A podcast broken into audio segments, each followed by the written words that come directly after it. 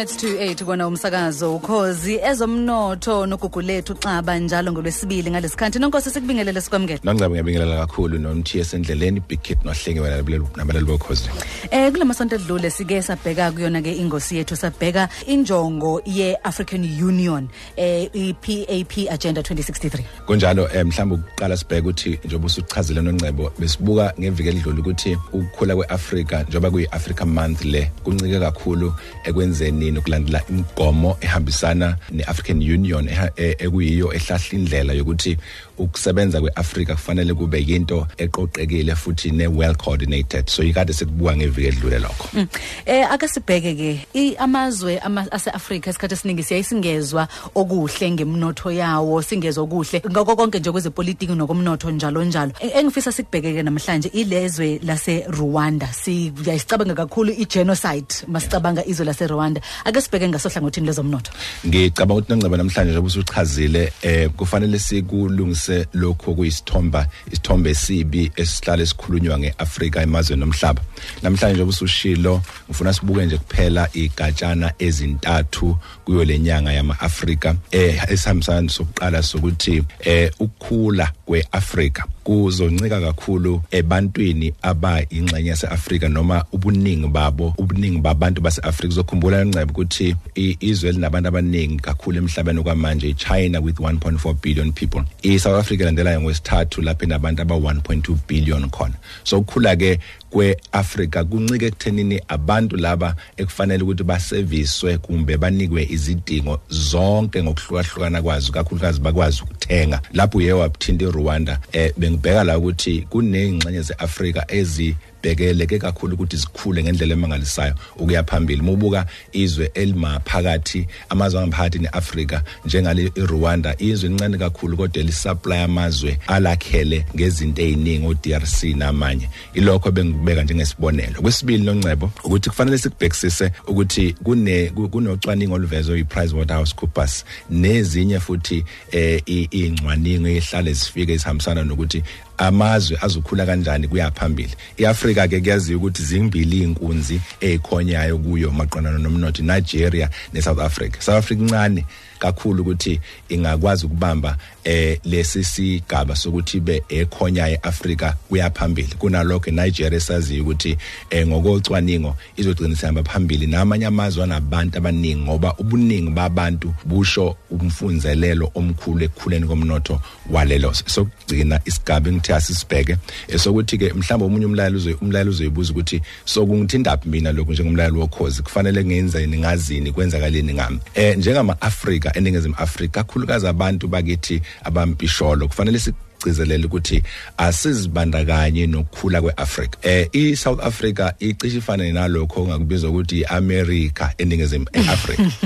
Eh kuke kufike nje umuntu waseMelika o- ongaziwa ongadumile kodwa ngenxa kuthiwa iAmerican maye la eSouth Africa oh abantu sebephakamisa amehlo befuna ukubuka ukuthi u- lizokwenzani iAmerican fanele siqonde lokho maqondana nalokho esikubiza phecelezi ngokuthi brand umumo wezwe namazwe namazwe ukuthi ini- iningizimu Afrika injalo nayo ibrand enkulu ehlonishwa eAfrika. Ngalendlela ukuthi nxa usuka nje uyakhona eh, uzokwakha ibusiness vele babhekile ukuthi amaningi ama-Afri- ama- ama-Africans ala eningizimu Afrika eze eAfrika noma ezwenikazi azoba ingxenye yokuthi akhulise umnotho khona. So ke kufanele sikwazi lokho lokusinikeza advantage njengama South African ukuthi masingena eAfrika eh, sikwazi kuba ingxenye yokukhulisa iAfrika yakithi futhi umnotho ugcwele khona kakhulu ukuthi abebala bawugijimela kakhulu ukudlula thina esingama Afrika eningizimu Afrika.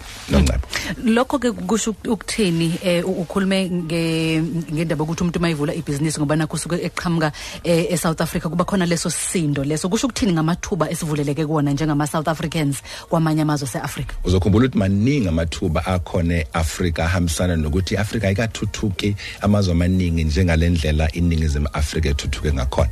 Iningizimu Afrika inenqala sizinda enhle kakhulu kweze izimali ama-bank insurance insurance eh kuze kufikelele kwi-African infrastructure nje hambisana nemigwaqo nako konke okunye so ke nasekwakhiweni kwezindlu eh, ngeke ngenze isibonelo sikhuluma lapha futhi nosontshikazi ukuthi eh umuye DRC DRC iyodwa inezindlu ekufanele zakhiwe ezingaphezulu kwezigidi eziyisithupha iningizimu Afrika uzokhumbula ukuthi ileka behind ngezindlu ezicishe ezingaphezulu kwezigidi ezimbili iNigeria ileka behind ngezindlu ezingaphezulu kwezigidi ezingamashumi amabili. So ngikhuluma nje kuphela ngomkhakha owodwa ohambisana neconstruction. Ungakabheki ke neminye imikhakha ehambisana nokuthi kunophopho lapha noNcebo abangaphezulu kwekhanda lami nelakho abatholakala ko DRC ngeke ngakusho lokhu futhi naphambilini ukuthi kufanele eh, kwaze ukuthi lezi zinto kufanele beneficiate ukuze kwakhe ama juices ahambisana ne nama pineapple pineapple juices.